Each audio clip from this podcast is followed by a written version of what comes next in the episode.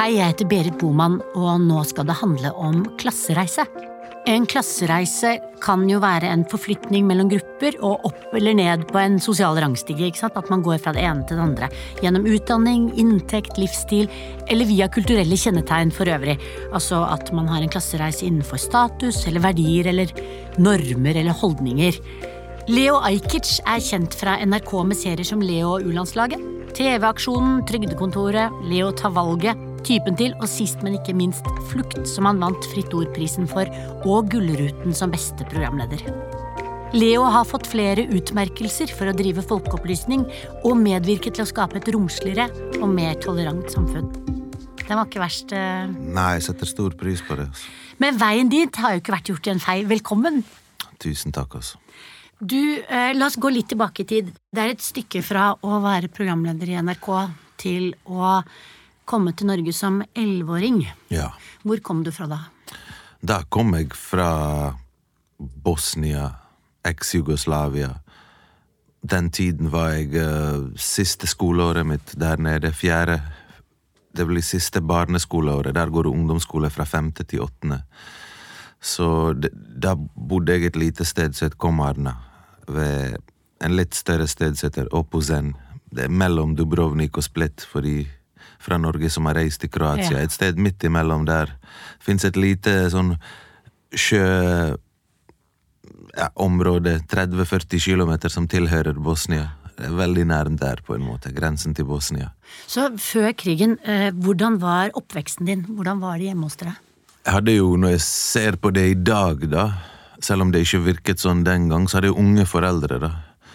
Som kanskje mamma var et par og tjue når hun fikk meg, og pappa var Ja, han var ikke så langt opp i 20-årene, han heller.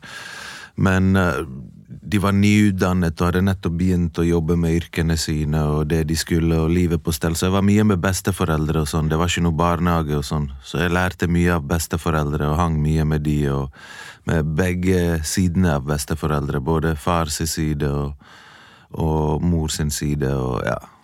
Hva slags yrke var det de hadde? Min far siviløkonom. Moren min er pedagog, men hun jobbet faktisk i bank, tror jeg, når jeg var liten. Jeg vet ikke hva, hvorfor. Så hvilken klasse var det dere tilhørte der da? Altså, vi var på vei opp, hva skal jeg si. Min bestefar var en har nettopp gått av i pensjon, for han har sikkert jobbet statlig lenge og vært en, hva skal jeg si Jobbet på ledelse på agrokultur og sånne ting, sikkert. eh, hva skal vi si, landbruk og fabrikker og sånne ting. Jeg vil si Vi var en vanlig standardfamilie. Jeg vil si Klasseskillet mellom rik og fattig var enda mindre der jeg kom fra, enn det vi har i dagens samfunn i dag. Vi er ingen multimilliardærer og millionærer i samfunnet vårt, men vi er heller ingen uteliggere. Og til og med de med psykisk uh, belidelser og sånn, eller litt rare folk, var ofte by... Hva skal jeg kalle de? Folk var jævlig kule med de. De var ofte sånn by Jeg skal ikke bruke negativt ord som maskot, men de var byoriginaler. Det var noen som var låst inne bak dør pga. skam. Jeg skal ikke si alt var bedre. Det var en del sikkert fucked up ting overalt, men jeg husker liksom Det klasseskillet så jeg før nå, liksom. Før jeg reiste etter krigen, før ting har blitt kommersielle øh, Ja, hva skal jeg si? Før vi fikk McDonald's. før vi fikk uh, Hennessy Maurits McDonald's. Det samme som finnes her. Store shoppingsentre. Før var det marked med Hva skal jeg si? Mindre småbutikker, og nå er det større kjeder som man finner rundt hele Som verden. sant? Ja. Og før var ting ofte statseid, nå er det utenlandseid fra tyske, engelske, amerikanske firmaer, sant. Ikke vet jeg. Arabiske, kinesiske, ja, norske til og med. Hvorfor måtte dere flykte? Det har egentlig med hvordan situasjonen i vår hjemby ble mot slutten og etter krigen. Min far og mor sin side fra egentlig samme folk, men de blir definert som to folkeslag på grunn av klangen på etternavn, på grunn av tidligere religionshistorie og sånne ting. Begge var det jo tilhørighet til Jugoslavia og Bosnia og der vi bodde, men de måtte velge, sant? Ja. Du var eh, elleve år, kommer da fra eh, Hva sier jeg? Fra Balkan eh, til Bergen. Hva kommer du til da i Bergen? Eh, jeg kommer jo til et fett chill nabolag som er jævlig kult, som jeg er ikke klar over er kanskje en av eh, Bergens fattigste nabolag før seinere, og kanskje en av Norges også, men akkurat da er det fett. Men all det jeg ser og hører, Norge er verdens beste land, og jeg prøver å huske hvordan ting var tilbake i krigen. Før jeg kom hit, så tenker jeg her, hva er det folk snakker om, liksom? Det er jo ikke det er ikke som om det regner penger på alle her, og folk sliter med alle med sitt, og eh, hva skal jeg si, da? Jeg bodde ikke i et eneboligområde der folk hadde au pairer og sånn. Jeg visste ikke hva au pair var før lenge seinere. Du vet, I Bergen de har en jeg, meg, deg-språk. Det ble jeg kjent med litt seinere, kanskje. Ikke med en gang. Eller jeg skjønte ikke at det var et skille mellom de som snakker jeg, meg, Men der deg. du vokste opp, der snakker, sier man jeg, meg, deg. jeg er fra Bergen, sant? Ja. Det er Og hvor noe- er det i Bergen du vokste opp? Skyggesiden, Løvstakken, Solheimsviken. Fra Danmarksplasser oppover. Ja. Sant? Så, så Ja, men jeg trives der. Det var jo multikulturelt og fett nabolag. Mange andre nabolag kom dit for å oppleve det. Vi hadde noe på gang som andre så ville være en del av. Vi bare levde alt det avisene kunne skrive om eller skriver om i dag. Dette skjer, når ingenting av det stemte der. Vi hadde bare fett fellesskap og masse subkulturer ble utviklet på grunn av det og ble større. Og for eksempel norsk basket og hiphop. Jeg vil si Løvstakken er et viktig sted, Loddefjord, for Først for det som skjedde i Bergen, og så ut for resten av Norge, på en måte. Der nye landsmenn var en stor del av å få det til. Å få de miljøene til å vokse og ja. Hva, eh, hva, hvor lang tid tok det for deg å blende inn og bli en del av Ja, fort. Jeg gikk Første skoleåret var jo en Nygård skole, het det. Tenkte jeg alle klasser, for det fins folk fra andre land som kommer til Norge, barn som er rik. For eksempel, du finner deg en oljemogul i, i, i Brasil, slår dere dere sammen så ungene deres skal leve fullt hus i Norge, så må to av de gå på skolen her og lære norsk, og begynne fra dag én med folk som kom som flyktninger tre dager siden til Norge og har ikke lært noe med noen som må kanskje gå et år om igjen fordi at de kan heller ikke engelsk eller noe og har helt annet utgangspunkt enn deg og har et språk som er helt annerledes enn norsk, og foreldrene kan ikke hjelpe dem så mye med leksene. Så det var jeg bare en sånn Jeg kom til Norge, prøvde å lære litt om nordmenn, og jeg ventet på papirene og leste en, sånn, leste en bok som het Ny i Norge om isbjørner og Ola og Kari, men her traff jeg liksom alle. Ja. Tre, 30, Få Ola og Kari, for å si det sånn. Jo, lærerne var Ola og Kari, og jeg hadde venner i nabolaget mens jeg gikk på den skolen for å lære meg norsk, men jeg traff hele verden i Norge, føler jeg. Noe som bare var jævlig fett, og det var sånn Ja, etterpå, når du flytter til en skole, norsk skole, da er det kanskje noen steder mindre innvandrere, noen mer, noen skoler snakker jeg, meg, deg, noen er det litt mer klasseforskjeller, men på denne var det alle var, li alle var forskjellige, og alle var like samtidig, og alle gikk kledd i de klærne som var inn der de kom fra, før de kom hit. Så alt så bare ut som en ja, Det var helt røre, altså. Hvor mange av de du gikk i klassen med, tok, gikk til videregående skole? Gikk til videregående? Altså begynte på videregående skole?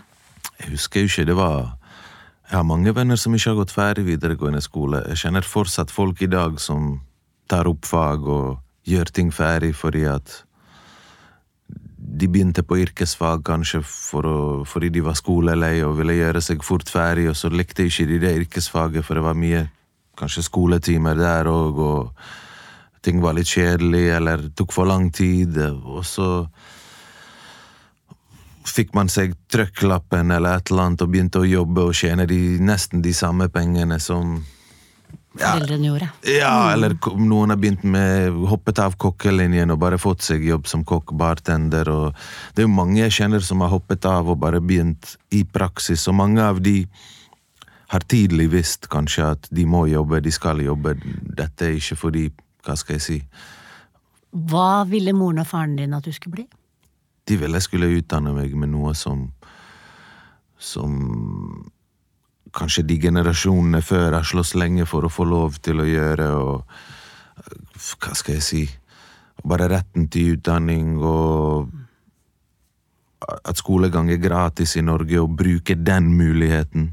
Det er noe annet i USA når det koster såpass mye, eller, eller hvis du er i England og skal på en dyr, dyr skole, da, da skjønner jeg at ikke alle har råd til det. Men når du er i et land som Norge med muligheter, så så mente foreldrene mine det hadde vært skikkelig dumt å ikke bruke de mulighetene. Så det ga meg litt press på en måte, fordi at jeg så ikke den utdanningen de fikk, få noen resultater her i Norge. Jeg så de ta jobber som ikke krever utdanning, og bli der og ikke satse på drømmene sine for at vi skal få det bedre. Og det er liksom sånn at ja, du sier til meg at jeg må ta utdanning for å bli noe, men så ser jeg at selv om jeg tar utdanning, kanskje på grunn av navnet mitt søknaden ikke går gjennom. Men se, hvis du går til leger, de som redder liv, der vi er avhengig av folk, tannleger, så ser du innvandrere og alt. Så foreldrene hadde rett, men ofte de yrkene som sikrer deg jobb, er jævlig, jævlig harde. det er sånn Ja, det var lege, tannlege, advokat, advokat ja. ja. Mm. Så de er veldig sånn uff. Hva begynte du å studere? Litt forskjellig. Først tok jeg sånn X-fil og X-fac og greide det og presset meg gjennom det. Og det var kult der jeg kunne drøfte og sånn. Så ble det sosialantropologi, og så Jeg likte jo faget, men jeg fikk skikkelig sånn tvil. Hvordan skal jeg få bruk for det her? Jeg trenger noe Jeg trenger noe håndfast, på en måte. Noe realfagting. Noe som kan få meg ut av Og foreldrene mine, som vi kan kanskje skape noe i livet, liksom. Ja, jeg må ha noe som, som kan, kanskje Der jeg ikke har mulighet til å tjene mer penger. Så da tar du et nytt hopp, og det er eh, via student... Eh, eller via eh, lokal-TV i Bergen til Oslo. Og NRK. Ja. Og liksom Statskanalen. ja. Hvordan var den overgangen? Mm, det skjedde jo ikke sånn brått, på en måte. Det, det var flere år. Det var fire år jeg var på lokal-TV, og jeg tok ikke det på alvor i det hele tatt. Jeg trodde ikke det kom til å føre meg til NRK når jeg begynte. Den stilen er preget av at jeg gir faen, eller hva det heter. At jeg ikke bryr meg.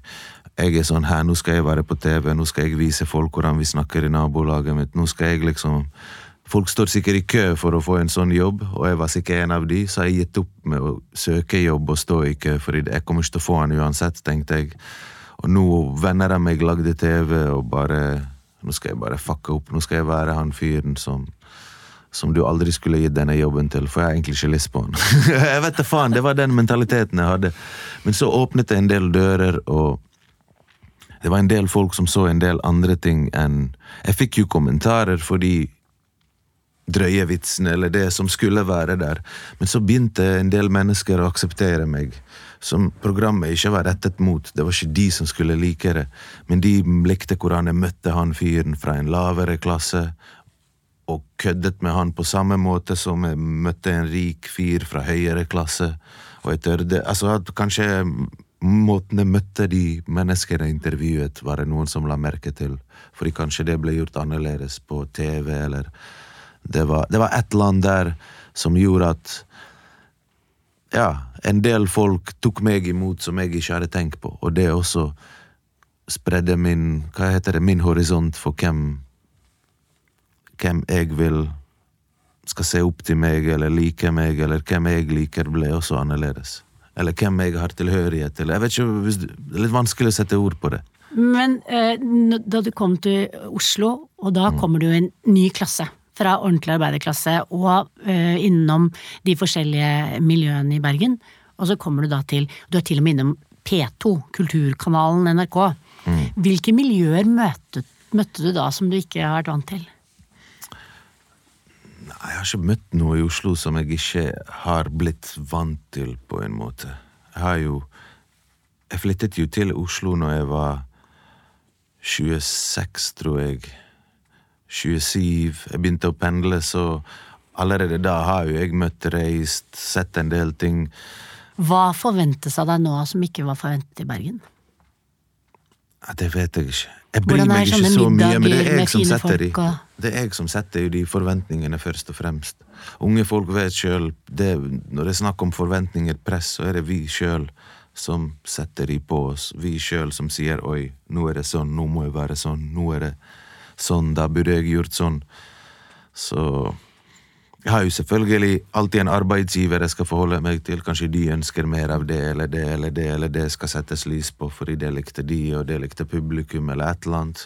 For det er jo fortsatt en jobb. Klassereiser kan jo foregå for unge som ikke har hatt en sånn dramatisk historie som deg. Mm. Um, for unge som står for eksempel med en fot i en kultur eller et miljø og vil bevege seg, så er det ofte motstand både i det at de skal flytte der de flytter fra, og det de går inn i.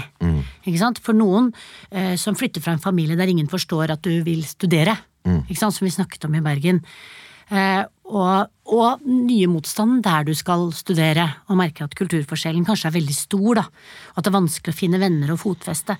Hva vil du si til alle de som opplever det i Norge i dag? Det er mange ting. Det er jo liksom Forebyggende er viktig. Det er viktig å se seg sjøl i andre, ofte før ting har skjedd. Hvis alle vi hadde greid å se oss i andre, så hadde vi handlet litt bedre, tror jeg. Hvis du vet at kanskje en dag du begynner på en folkehøyskole eller et nytt sted på når foreldrene dine ble skilt, hva ville du likt at noen gjorde hvis du ankom ny til en klasse? Ny elev. Da kan du gjøre det samme når du ser en ny elev. Hva tenker du om at du har begått eh, kanskje flere klassereiser? Jeg eh, har Jeg kommer ikke til å greie å forandre personligheten min ut ifra flere klassereiser. Jeg kan miste alt jeg har hatt, og jeg kan bli enda rikere. For du kan du har to måter å se på det. Økonomisk klassereise, som gjør at du har muligheter å flytte på deg og bo der du har lyst til å bo og kjøpe deg det huset, og barna dine sender de dit og dit, og oppdra de på privatskole, ferier sammen, skape minner, ikke vet jeg om dere blir syke, du stikker til utlandet og fikser det fordi de har en annen behandling der som er dyrere, men mer effektiv, ikke vet jeg. Så har du den andre klassereisen, som handler om personlighet og hvordan man kler seg, og jeg har møtt så mange i nabolaget mitt i Bergen som aldri har vært rik, men de gir seg ut for å være rik ved å snakke jeg, meg, deg, eller ved å liksom et eller annet, skjønner du, late som Jeg ser mange i dag fra de fattigste stedene i Norge, de som absolutt har minst. De har jo til felles med de rikeste i Norge at de handler på de samme butikkene, barna deres. At du liksom sparer, får deg en ekstrajobb for å få deg et Gucci-belte, eller at du Skjønner du hva jeg mener? Bruker konfirmasjonspengene til det, når hele familien har endelig gitt deg noe på noe som er helt feil fokus, kanskje. Men man må gjennom det. Jeg har gjort det sjøl, på en måte. Og det er den klassereisen som handler om hvem du vil bli assosiert med, hvilken gruppe. Nei, jeg vil tilhøre Når folk ser meg, de, jeg vil de skal tro at jeg er en av de der som går med Canada Goose-jakke og er med i den og den russegjengen, eller du vet hva jeg mener. Jeg skal ha midtskill og pannebånd og kle meg fint med gant. Folk skal tro at jeg er fra Frogner, fordi kanskje du er derifra og ikke har så god råd, eller du er fra et annet sted og det er mot. Jeg vet ikke, men forskjellige grunner. Og jeg har vært der, jeg òg, i ungdomstiden, der jeg gjør ting for å passe inn. Men nå er jeg såpass voksen at det der, jeg kommer ikke til å liksom begynne å snakke penere fordi at jeg vil inn i en krets der det er normen eller tingen, eller det er stygt å ikke være en som gjør det de gjør. Um, hvordan har eh, klespreferansene dine vært gjennom eh, tiden, da? Jeg har jo hørt hvis jeg kler meg mer i dress og slips, så kan jeg ta mer betalt også. For da vil jo folk, ja, ja, ja. Jeg har hørt det fra folk som er i bransjen, eller hva jeg skal kalle det. Jeg lover deg, hvis du tar opp eh, Hvis du tar på deg slips og skjorte, så kan du liksom ta dobbelt så mye for å stå der og holde det foredraget. For det er ofte de gjør. Ta med powerpoint, sant. Det er det de gjør. Fin presentasjon. Altså, jeg har hørt mye rart, liksom, men det er også noe jeg Jeg føler jeg har gått litt i feil retning, for jeg har ikke hatt en del av de materielle tingene som, som jeg ville ha når jeg var liten og vokste opp i Norge, som mange har kanskje tatt for gitt. Og så, når jeg fikk litt penger, så ville jeg ta igjen. Istedenfor å kjøpe med en gang leilighet, så kjøpte jeg med en gang dyre sko og dyre jakker og ting som som egentlig ga meg ingenting en kortvarig sånn glede eller et eller annet sånn Men hvorfor gjorde du det da? for det er det man gjør, liksom. Ofte når man har en sånn oppvekst. Du trenger ikke ha en sånn oppvekst. Ofte er det det andre gjør, og du vil bare være en del av gjengen. Hva leser du nå? Jeg leser litt Er du mer sånn Aftenposten-mann, eller? Jeg leser Jeg ser på nyhetene hver dag, nesten. Jeg ser alltid Debatten med Solvangen. Jeg leser en del bøker, spesielt når jeg reiser. Og når jeg er på fly og tog og Det er ikke ofte jeg greier å finne meg tid og ro til det i hverdagen, på en måte. I hjemmet mitt. Så jeg forbinder ikke hjemmet mitt med å lese bøker, men jeg greier det på hoteller, på reiser, på Så jeg har sånne perioder hvis jeg jobber mye, reiser mye, så leser jeg mye bøker. Hva vil du si på En ting er at vi har en alder som forandrer seg, men hva, hvordan har du forandret deg mest gjennom disse årene? Det er jo at jeg er mer sikker på at jeg er en ressurs, på en måte. At jeg er en verdi. Før hadde jeg kanskje bedre ideer, men jeg var ikke Jeg tvilte på om det var bra idé i det hele tatt, for noen andre enn meg, på en måte. Så og jeg har prøvd forskjellige bransjer der jeg har lykkes, så jeg vet det har litt med meg å gjøre, og ikke med bransjen. Det er ikke sånn 'Å, Leo, han greide det bare i TV-bransjen', og han er en Jeg vet. Hvis jeg hadde åpnet den kebaben og gått hele veien inn, så hadde han smakt bra, Det hadde blitt en bra business. For jeg vet når jeg setter meg inn i ting, så Så skal jeg få det til, liksom. Og det er på grunn av alt jeg har opplevd, at jeg kan tenke sånn, føler jeg. At det er liksom Ok, noen vil få bruk for meg. Kanskje en ungdomsklubb et eller annet sted det kan være fet med de ungdommene. Det har samfunnet behov for. Kanskje jeg kunne blitt en kul lærer. For Norge er litt som fjellvettreglene. Eller Norge er fjellvettreglene. Det er aldri skam å snu. Og da snakker jeg om studier og sånn, så jeg kunne begynt å studere i en alder av 38 hvis jeg ville, for jeg har mulighet til det. Og blitt noe annet, kanskje, for det er en mulighet. Det går an. Fordi jeg sier det går an. Takk for at du kom, Leo. Ja, og takk for at eh, dere ville ha meg her. Altså.